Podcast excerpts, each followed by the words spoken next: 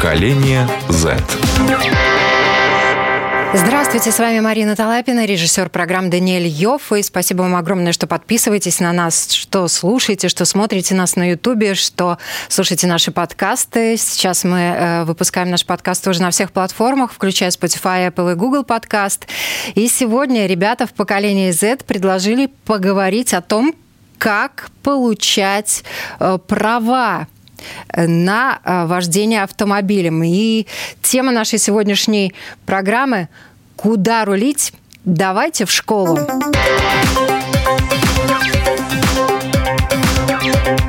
Поколение Z. И я рада представить. Сегодня с нами на связи Лаура Фелдмана. Добрый день. Вероника Саулете. Здравствуйте. Полина Тимофеева. Здравствуйте. Также Андрей Костюк. Добрый вечер. И мы решили, что эту тему мы не сможем провести без эксперта, поэтому мы также пригласили, и у нас на связи главный экзаменатор Рижского центра обслуживания клиентов ЦСДД Владимир Коробов. Здравствуйте. А, добрый день. Здравствуйте. Итак, чтобы не задерживать нашего уважаемого эксперта, мы сразу набросимся на него.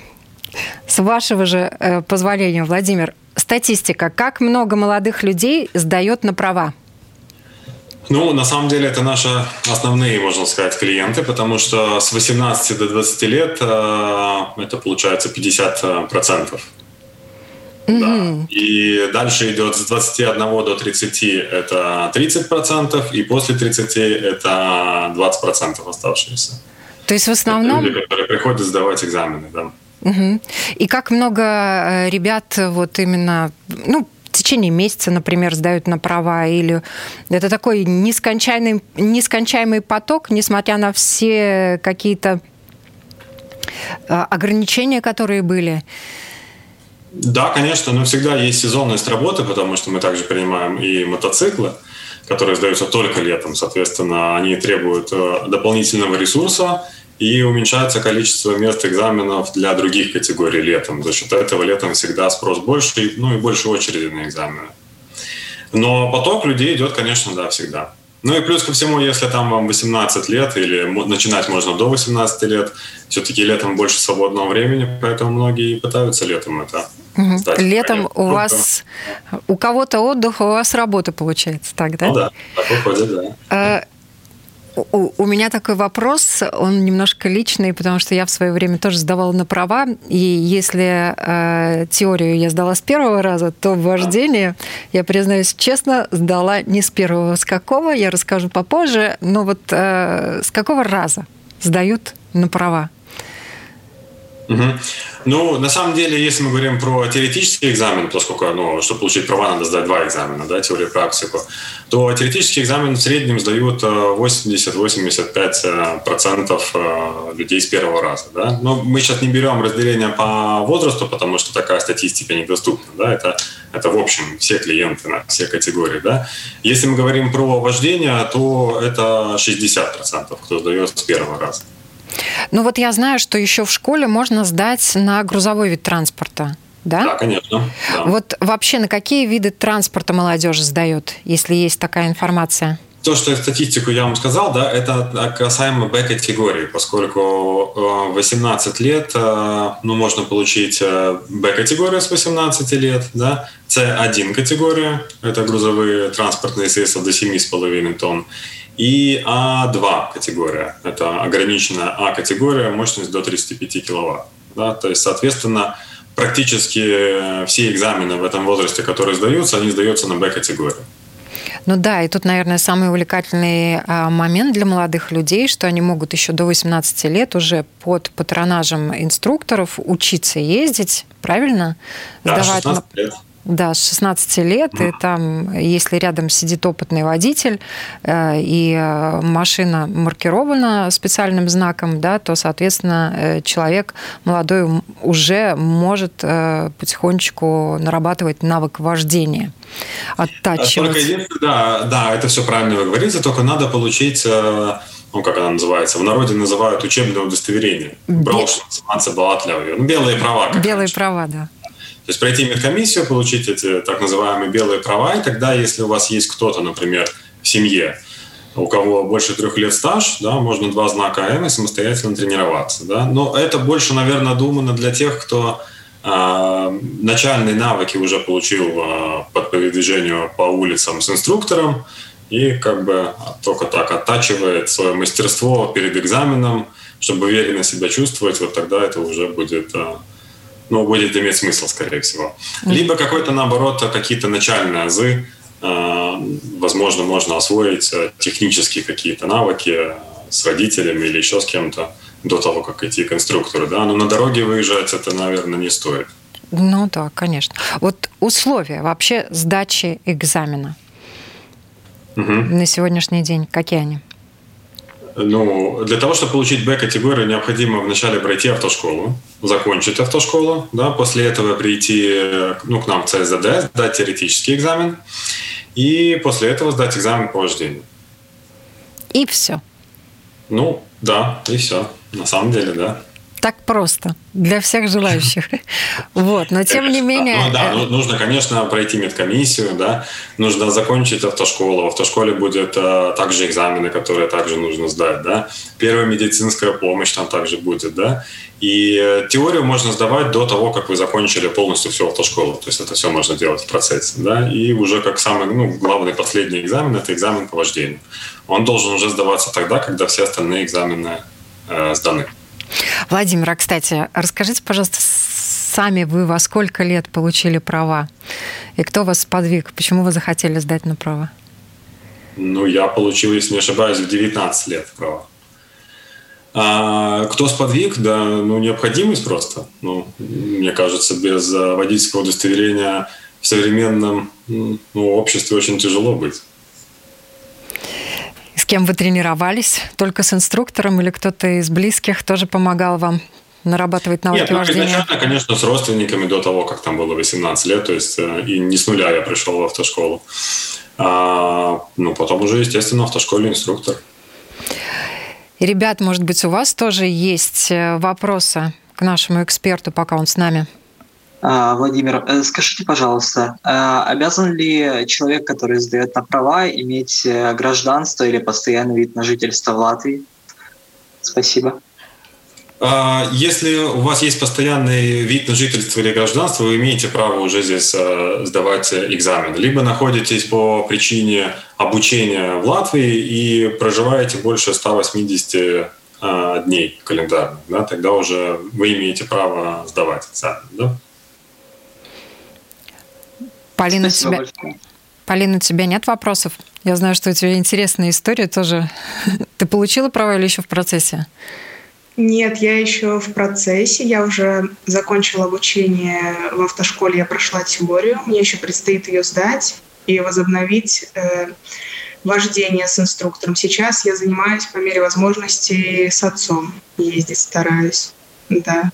А так вопросов в принципе нет. Очень интересно было. Спасибо. Ну вот, э, может быть, какие-то истории, которые э, заставляют э, вообще быть более внимательными, более ответственными к тому, что человек вот захотел получить права.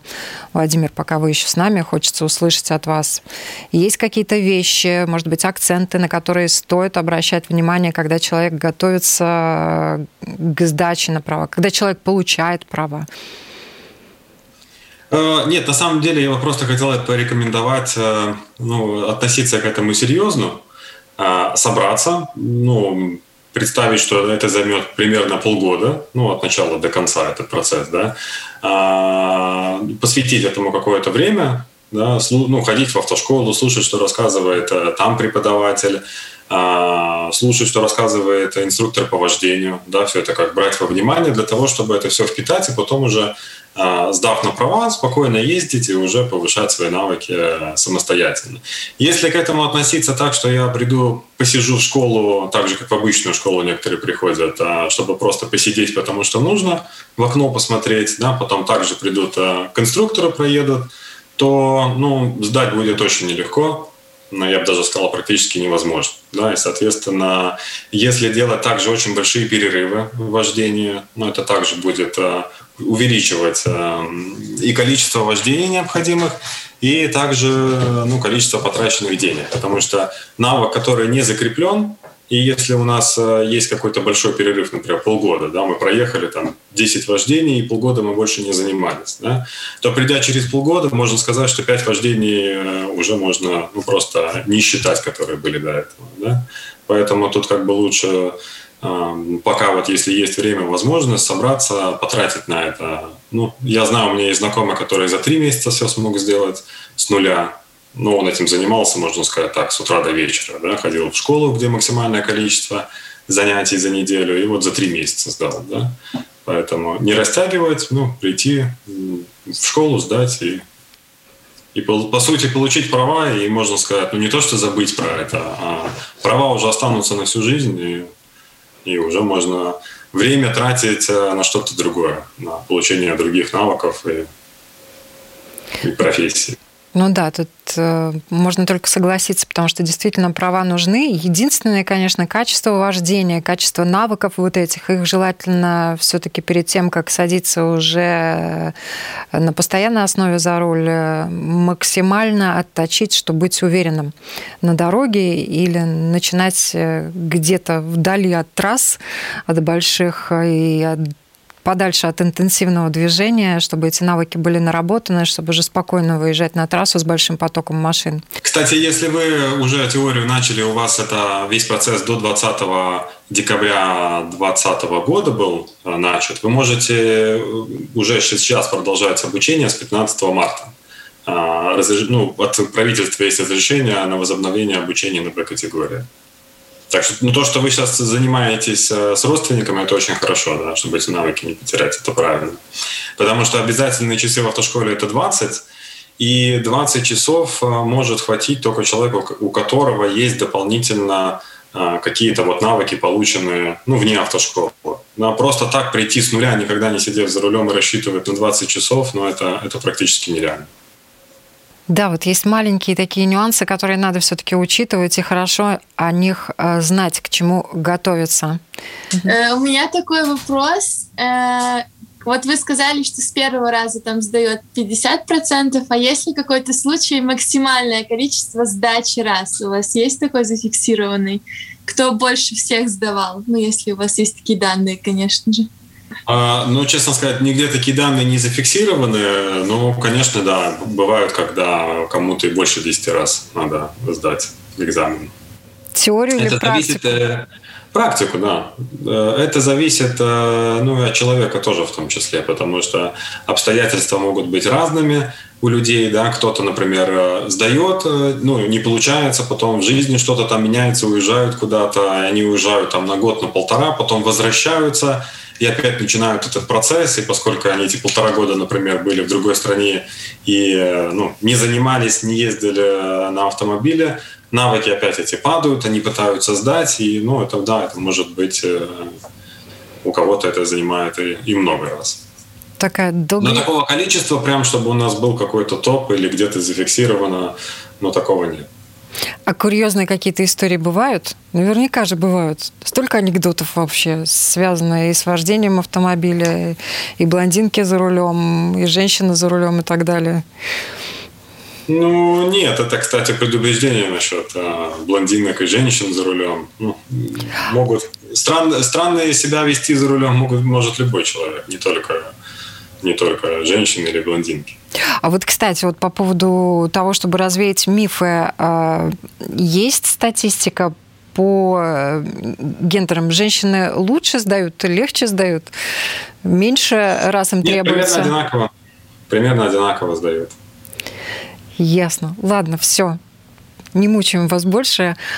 Ну, спасибо, что пригласили. Да. Спасибо вам огромное. С нами был главный экзаменатор Рижского центра обслуживания клиентов ЦСДД Владимир Коробов. Спасибо ему огромное за то, что ответил на наши вопросы.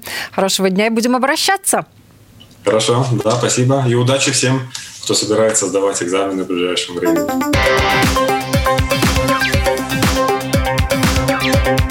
Поколение Z. Я сдавала на права в 19 лет. Теорию сдала сразу. А, а вот вождение я сдавала три раза.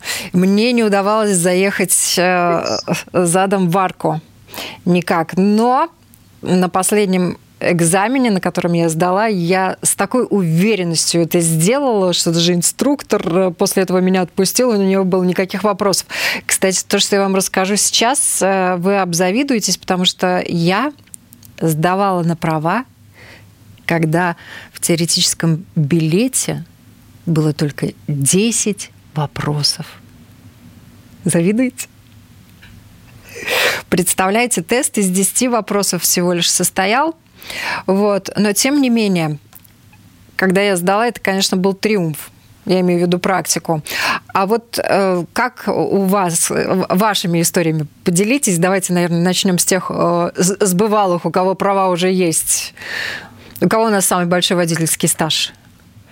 Вероник, наверное, у тебя, да, давай. У меня сейчас уже почти 4 года будет стажа. И сдавала я очень сложно, потому что у меня в семье никто не водит, никто не знает, что такое машина, как сидеть за рулем. То есть я была таким первооткрывателем семьи. И в 18 лет родители мне поставили перед фактом, ну, раз тебе 18, иди, мол, сдавай на права. Ну, я и пошла с полной уверенностью, что я сдам, и у меня будет лежать эти права, а я не буду ими пользоваться.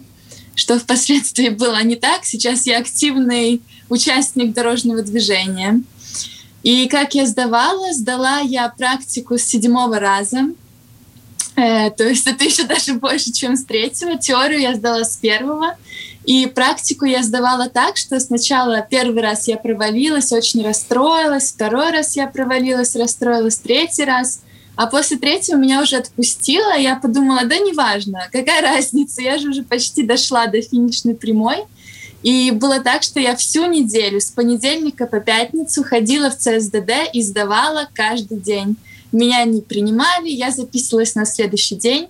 И в пятницу, я прям помню это четко, в пятницу, ура, меня подтвердили, я сдала на права, и я была счастлива, конечно же, и наконец-то могла сказать, что да, у меня есть права, и я я вожу машину. Потом, конечно, с машиной тоже были проблемы, потому что так как ни у кого не было опыта, это все было в первый раз. Регистрация машины на меня, потому что прав ни у кого нет. И все вот эти нюансы, которые было очень сложно э, преодолеть без каких-либо знаний. То есть, ну, вообще абсолютно полный ноль, чистый лист. И, но все-таки все в порядке, да. седьмого раза это еще не предел, так что Но теперь я думаю, что твои родители, может быть, они как раз с таким прицелом. А, а ты покупала машину или тебе купили машину, или тебе ее подарили? Мне купили машину на второй день. После того, как я сдала права, меня сразу же повезли покупать машину, чтобы быть семейным таксистом. Я себя так называю теперь. Всем помогаю, езжу за рулем единственная, да. Вот. А почему родители не сдают? Ты их э, не сподвигла? Я не знаю, почему у меня папа фанат велосипеда, он каждый день ездит на работу на велосипеде, и вообще он такой здоровый образ жизни. А мама, она пыталась давать, но что-то у нее там с работы не получалось, либо со здоровьем. Ну, в общем, как-то не получалось. А у меня, да, сразу же сказали, сдавай, я сдала, купили машину, едь, води. Я такая, ну хорошо, спасибо. Вот такая вот жизнь, да? Ну хорошо. Да. Надо, значит надо. Лаура, у тебя тоже интересная история, непростая. Ой, да, настолько насыщенная. А, Все начинается с того, что мы переехали жить за город, и тут очень тяжело с транспортом, поэтому папа должен был возить меня в школу э, или на автобус, вставать рано. И он мне уже в 17 лет начал говорить, давай сдавай на права. Значит, иди, учи теорию, э, сдавай вперед. И моя ошибка была в том, что я слишком рано пошла учить э, теорию, потому что я пошла, как сейчас помню, где-то в феврале, и за месяц я теорию выучила. А день рождения у меня только в апреле. В ЦСДД можно сдавать теорию только с 18 лет. И получается, мне надо было еще ждать, пока мне исполнится 18 лет. Конечно, я уже всю теорию забыла. В итоге я ее не пошла сдавать, я сдала ее только в сентябре, то есть через полгода я все учила заново. А, и у меня были такие перерывы в сдаче экзамена, у меня были перерывы вместе с инструктором. Я уезжала путешествовать, и как-то вот все не сходилось. Инструктора я выбрала мужчину, потому что, ну, как бы надежный, э, не блондинка за рулем, я подумала, вдруг подстрахует, если что. И сначала вроде мне казалось, да, все хорошо, хороший, толковый, но потом мы попали в аварию. Вот, представляете, пока вот я с инструктором каталась, я попала в аварию. Эм, аварии избежать было невозможно. Я была не виновата. В меня врезались сзади. И после этого у меня начался какой-то стресс. То есть я все время, значит, смотрела в задние это зеркала. Да, значит, оглядывалась. То есть я была такая на стрессе. Конечно, инструктор это заметил, и, в общем, это еще прибавило мне времени к сдаче, пока я отошла от этого всего. Э, потом я решила поменять инструктора э, на женщину.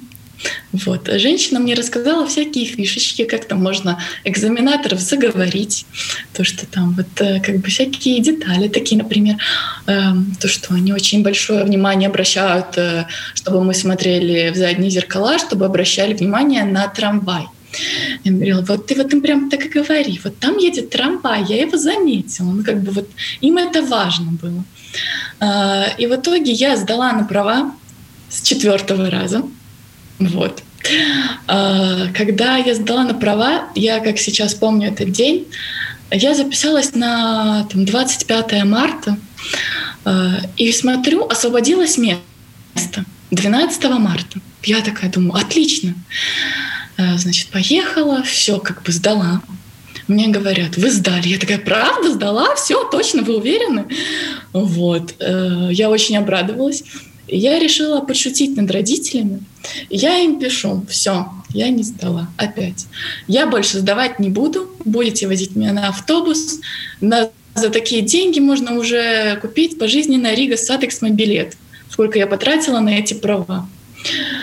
И папа такой звонит, пишет, нет, записывайся еще раз, мы должны сдать. А я уже вот сижу с правами, да. И я им отправляю фотографию. Папа, конечно, радовался больше, чем своим правам. И самое интересное, что вот почему я акцентирую внимание на числе. Дата, когда я сдала на права, 12 марта я сдала, захожу в Delphi, смотрю, и э, закрывают всех на чрезвычайную ситуацию. И с 13 марта уже на права сдать нельзя. То есть я просто забежала в последний вагон. Э, я настолько удивилась, как мне повезло вообще. Ну, вот. реально повезло. Все, да, пытались э, как-то там с инструкторами еще кататься. Я уже на машине ездила. Вот. Но у нас вот в такую историю попала Полина. Полина, рассказывай. Твоя история душесчипательная и, и очень поучительная и познавательная. Вот хорошо, что инструктор был, он тоже пару слов сказал. Давай. Да, у нас история такая. Мы с подругой, у нас день рождения очень рядом, близко в ноябре, мы пошли в октябре, подгадали время, чтобы пройти теорию. Нам стало 18, мы бы сдали теорию и начали бы спокойно учить уже практику. И сдать ее мы очень хотели сдать до Нового года вместе. Выбрали э, как-то одного инструктора, начали ездить, все заниматься – и так получилось, ну, я не торопилась, и подруга хотела, чтобы э, пораньше дать, прям до Нового года, что вот уже на Новый год себе подарок сделать. И получилось так, что она э, примерно перед Рождеством за неделю она начала ходить, э, каждый день заниматься с инструктором, каждый день, ну и, понятное дело, потратила немало на это денег, и в последний момент все закрылось. И, конечно, я не надеялась, я старалась э, не спешить, потому что я человек такой не очень уверенный и серьезно к этому очень отношусь. Ну, мне кажется, я свои навыки оцениваю так, что мне еще надо поучиться. А подруга не попала, к сожалению, и очень сильно расстроилась. И вот теперь мы очень ждем, уже записались на 15 марта, что скорее-скорее надо идти, скорее это сдавать а мне еще и теорию надо сдать. Но это не такая большая проблема, потому что можно тесты решать э, у них на сайте просто несколько раз в неделю, тогда ну, не забудешь. Такие вот дела. Ну, еще если говорить э, лично обо мне, мне, конечно, очень было страшно сдавать. Я сначала думала, что никогда машины не будет, что я точно никогда в жизни, только на трамвае. Думаю, трамвай — вот это мой транспорт. Спокойно, удобно, он едет только прямо по рельсам, как говорится, максимально... Книжку читаешь, да. Да, да, да. И приятные звуки такие, чух-чух, спокойно. Мой любимый транспорт. Но в итоге родители настояли, сказали, потом времени совершенно у тебя не будет, когда ты поступишь в высшее учебное заведение, и стоит сдать сейчас, пока есть еще на это время какое-то свободное. И, конечно, самое страшное в вождении — это когда ты едешь э, с кем-то, ты рядом, и ты чувствуешь на себе вот эту ответственность э, за другого человека, который с тобой рядом. Потому что если мы говорим об инструкторе, у него, конечно, есть э, в машине дополнительные педали, он может тебя корректировать, как бы у него есть дополнительные зеркала, он видит у него угол обзора почти такой же широкий, как у тебя. Но когда ты едешь, например, со своим родственником, там, с отцом, и ты чувствуешь, что он немного нервничает, ты немного нервничаешь, ты понимаешь, что теперь ответственность вся только на тебе, э, конечно, очень нервно. Вот. Но стараюсь этот страх перебарывать и скорее сдавать. Надеюсь, что до мая хотя бы я уже сдам теорию и практику. Хочется пожелать тебе удачи, чтобы все у тебя получилось, срослось, потому что права, вот, ну, мы, наверное, не раз скажем еще сегодня в этой программе, ну, права — это уже такая составляющая нашей жизни, да, права на вождение и каршеринг, не каршеринг. Если у тебя есть права, ты можешь действительно сесть и поехать. И э, машина сегодня — это уже не роскошь, а средство передвижения давным-давно. Ну, Андрей, давай свою историю. Да, я, к сожалению, еще не получил права, даже не подавал на них, во-первых, из-за того, что я несовершеннолетний, а во-вторых, особо не видел в этом смысла, так как э, я, э, у меня есть отец, который хорошо водит машину, он э, водит почти с 15 лет, очень рано он получил права, и так получалось, что у меня не было в этом надобности, однако в реалиях наших, э, это все, все же необходимая вещь, поскольку э, с помощью прав э, раскрывается очень много вариантов, во-первых, для путешествий, поскольку наша семья очень любит путешествия. Я еще с малых лет ездил по разным странам, тем более у меня еще есть родные в разных странах, как во Франции, так и в России, в Украине. И мы очень часто посещали своих бабушек, которые жили там в полуторы тысячи километров от нас и так далее. А, я сейчас э, буду пытаться, когда получу э, самосовершеннолетним, буду пытаться получить права. А, моя мама тоже стремится это сделать, поскольку она уже... Мы э, почти пять лет назад жили в Украине, и там она уже сдала теорию, но из-за того, что а, в Украине а, есть такая существует э, более или менее коррупция, там ее не пропустили на практике, и она не смогла сдать тогда, ну и тем более у нее не было времени, чтобы уже пытаться что-то доказывать. А э, тут в Латвии мы как раз-таки узнали то, что есть белые права, которые можно будет получить и потом э, практиковаться с человеком, у которого есть более трех лет стажа. Это как раз-таки мой отец, который может мне подсказать, Э, что угодно, и буду вместе с мамой пытаться создавать. Ну и тоже удачи мы тебе пожелаем, правда? Вообще хочется поговорить, конечно, зачем, э, зачем машина, если, например, есть такси? Это такой первый провокационный вопрос, а потом опять вернемся к правам, к вождению, к машинам, к обслуживанию. У Вероники в этом вопросе опыт большой. Есть у кого-нибудь ответ? Зачем права, если есть такси? Достаточно дешевый Я могу сегодня. Сказать. Давай. Э, такси, такси едет в пределах Риги. Это, во-первых, с машиной ты садишься за руль, едешь вечером на закат с друзьями, ты садишься за руль, уезжаешь в Польшу, ты снова садишься за руль, уезжаешь в Эстонию, в Литву, куда угодно. Когда у тебя есть машина, у тебя нет границ абсолютно. И плюс Э, ну вот в моем случае, опять же, я большая поддержка для моих друзей, вечно переезжающих, которые ну, как такси ты тоже можешь заказать. Ну, например, когда ты переезжаешь в другую квартиру, тебе нужно ждать, тебе нужно доплачивать за то, что тебя такси ждет, за то, что там разгрузка, загрузка, туда-сюда. А подруге позвонил, я тебе заплачу 5 евриков, давай приезжай. Конечно, почему бы и нет? И сам себе таксист, сам, как сказать, таксист для родителей, для друзей, для всех, и никаких границ нет. Но особенно это вот это далекие расстояния. Не надо никаких такси, чтобы поехать вечером полюбоваться на закат, например. Есть еще какие-нибудь доводы, отличающиеся от доводов Вероники? Я согласен с Вероникой. Также хочу сказать то, что такси на самом деле вещь довольно дорогая, поскольку, э, допустим, э, в Европейском Союзе мы можем передвигаться на машине без особых ограничений, нет никаких таможен. Это довольно удобно, если у тебя есть довольно много багажа. Э, но если ты, допустим, прилетел из Латвии, допустим, в Англию или во Францию, и после этого нужно как-то добираться на транспорте довольно далеко, с большим количеством багажа, то э, использовать автобус. Ну, метро, можно арендовать машину. Это абсолютно неудобно, а как раз-таки такси может стоить очень дорого. Ну, такси бог с ним. Можно арендовать машину. Э, можно, да, арендовать машину, но тоже в разных странах свои цены. И сказать, что э, иногда машина Э, иногда машины стоят очень много. Но в любом случае, даже если арендовать э, машину, все равно нужны права. Правильно, без прав вы Это ее не точно. арендуете, да. Так что можно арендовать машину и на нее любоваться, если у тебя прав нету, а если у тебя есть право, можно в нее сесть и поехать. Хорошо. То, что касается машины. Вот машина на сегодняшний день э, у нас есть у Вероники. Да, Лаура родители обрадовались, папа обрадовался, машину купил? А у нас получилась такая ситуация, что моя бабушка, она покупала себе новую машину, и она сказала, вот, внученька, сдавай. Она мне дала машину, я еще не сдала, э, машина стояла, стояла, мама думает, а чего она стоит? Я буду на ней ездить, пока ты сдаешь.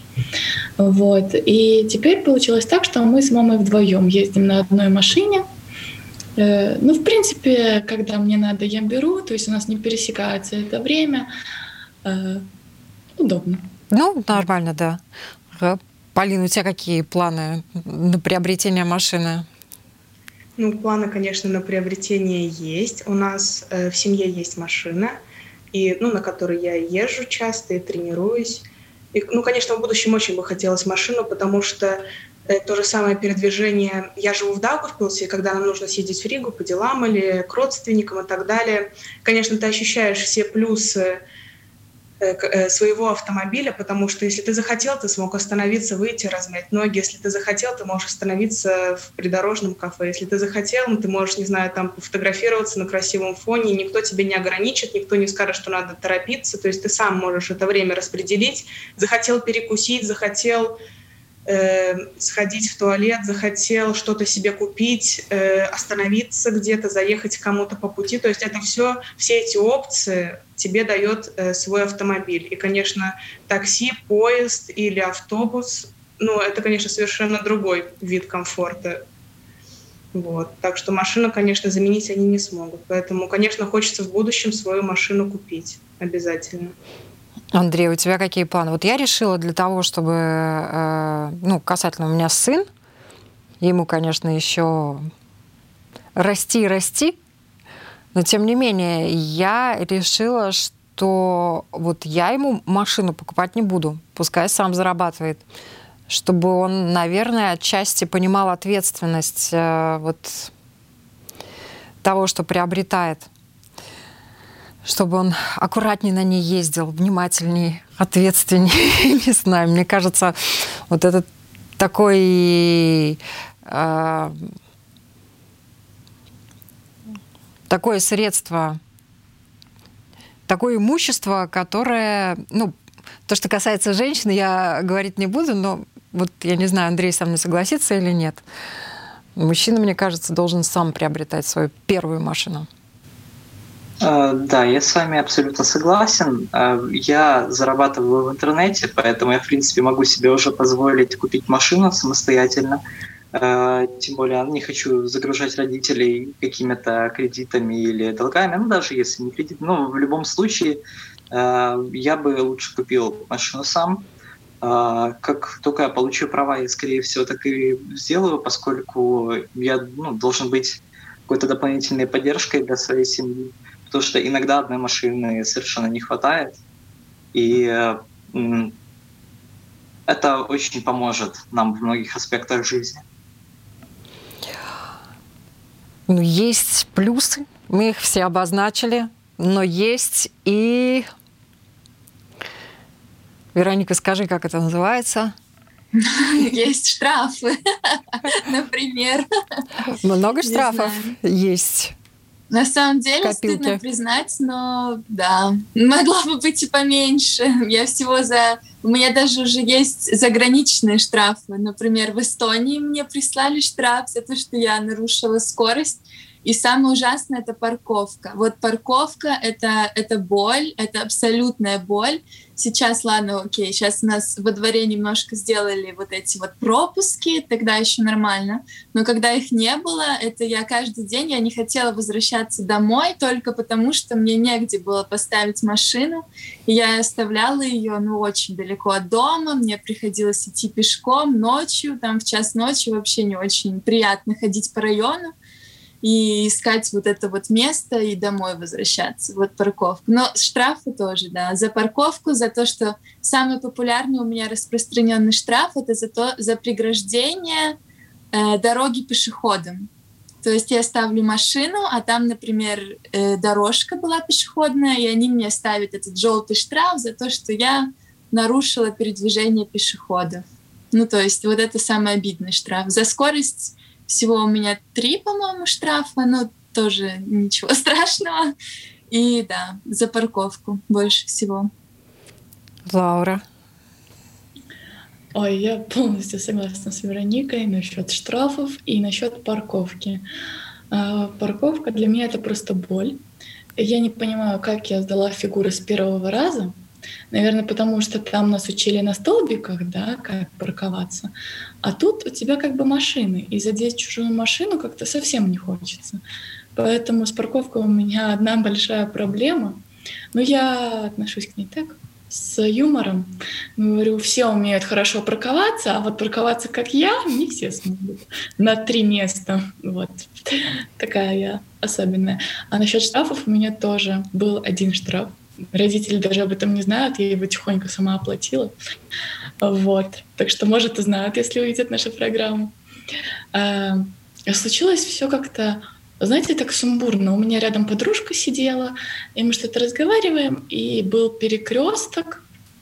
И я как-то проехала то ли на желтый, то ли, ну, как бы машин не было, я поехала, да. А там где-то маш... Э, это полицейская машина стояла. И, в общем, они за мной с мигалочками, там, девушка, припаркуйтесь, и все, взяли меня. Дали мне. На желтом свете. Вот так.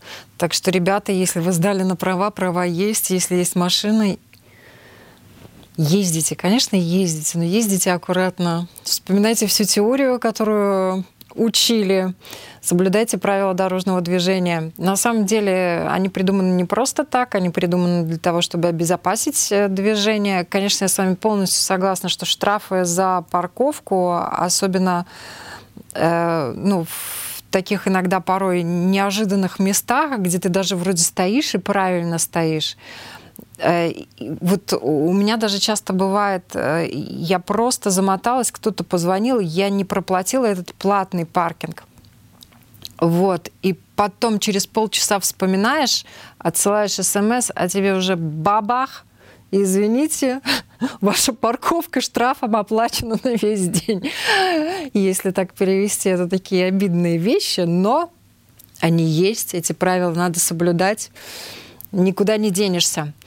Но есть еще также э, другой вопрос. Вот э, содержание автомобиля, да, дорого обходится, и ну вот у, у кого как.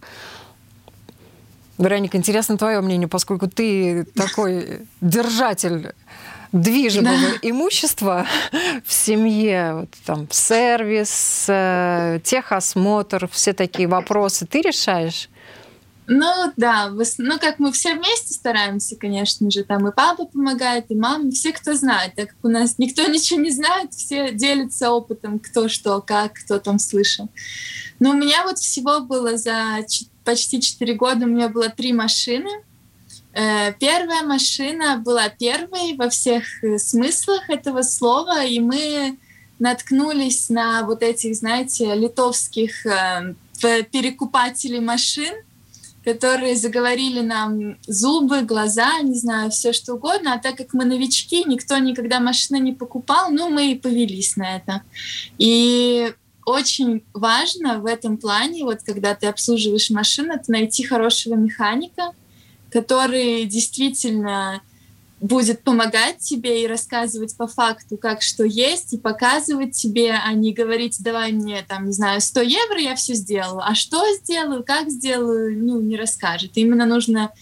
Короче, залог успеха — это найти хорошего механика, который тебе действительно будет помогать и говорить, что и как, потому что у нас было так, что мы нашли механика очень хорошего — это какой-то там друг кого-то, кого-то, как всегда. И вот мы пришли к, ним, к нему с этой первой машины, и он нам в открытую сказал, что, ну, ребята, вас как бы как это называется, а, ну, обокрали, можно сказать, да. да.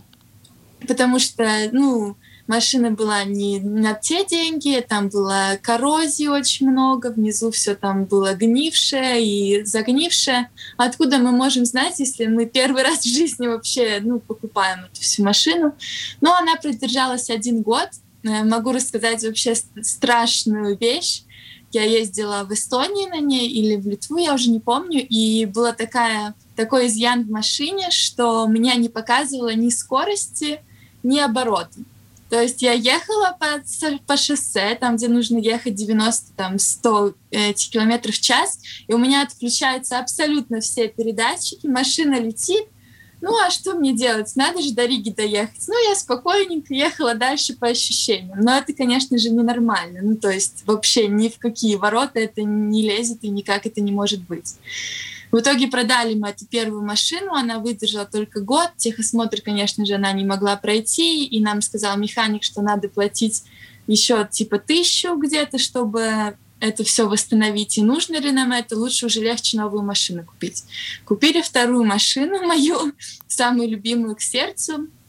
Она стоила не очень дорого, тоже где-то рядом с тысячей. То есть мы всегда покупаем поддержанные машины, чтобы ну, как-то не надо было из салона, это все очень дорого, и зачем, тоже непонятно.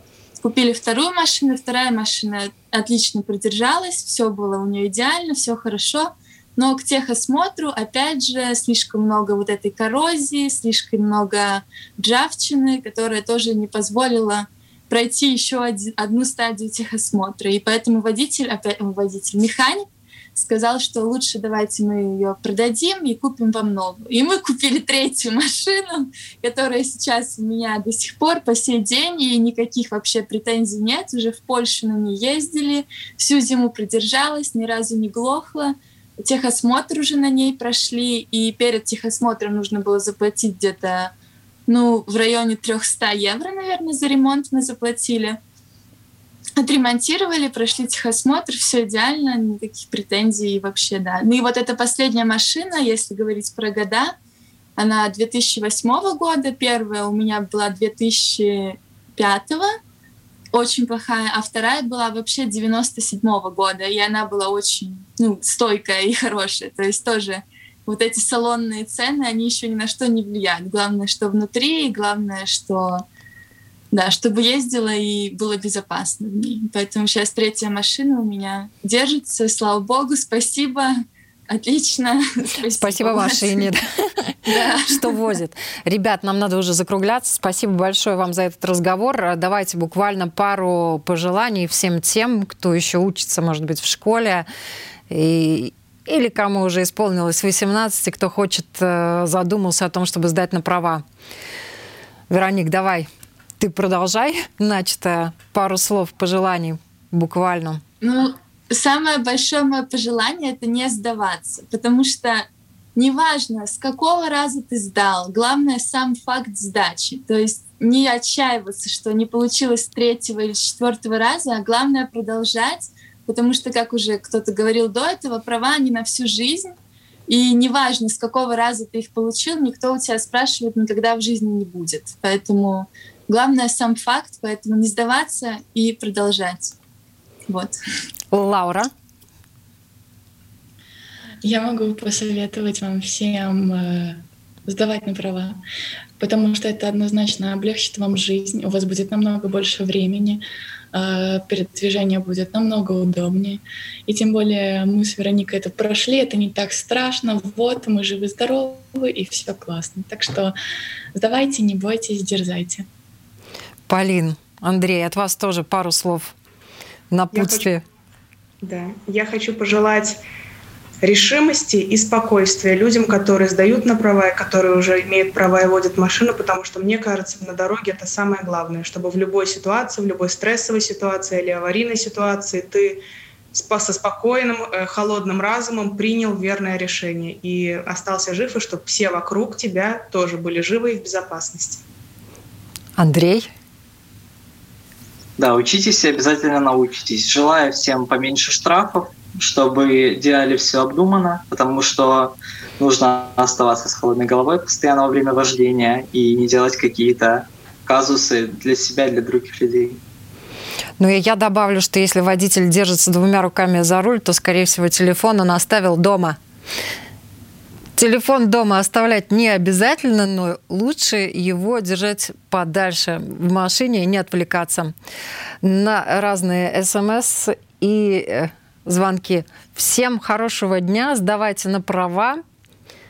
Дай бог вам удачи.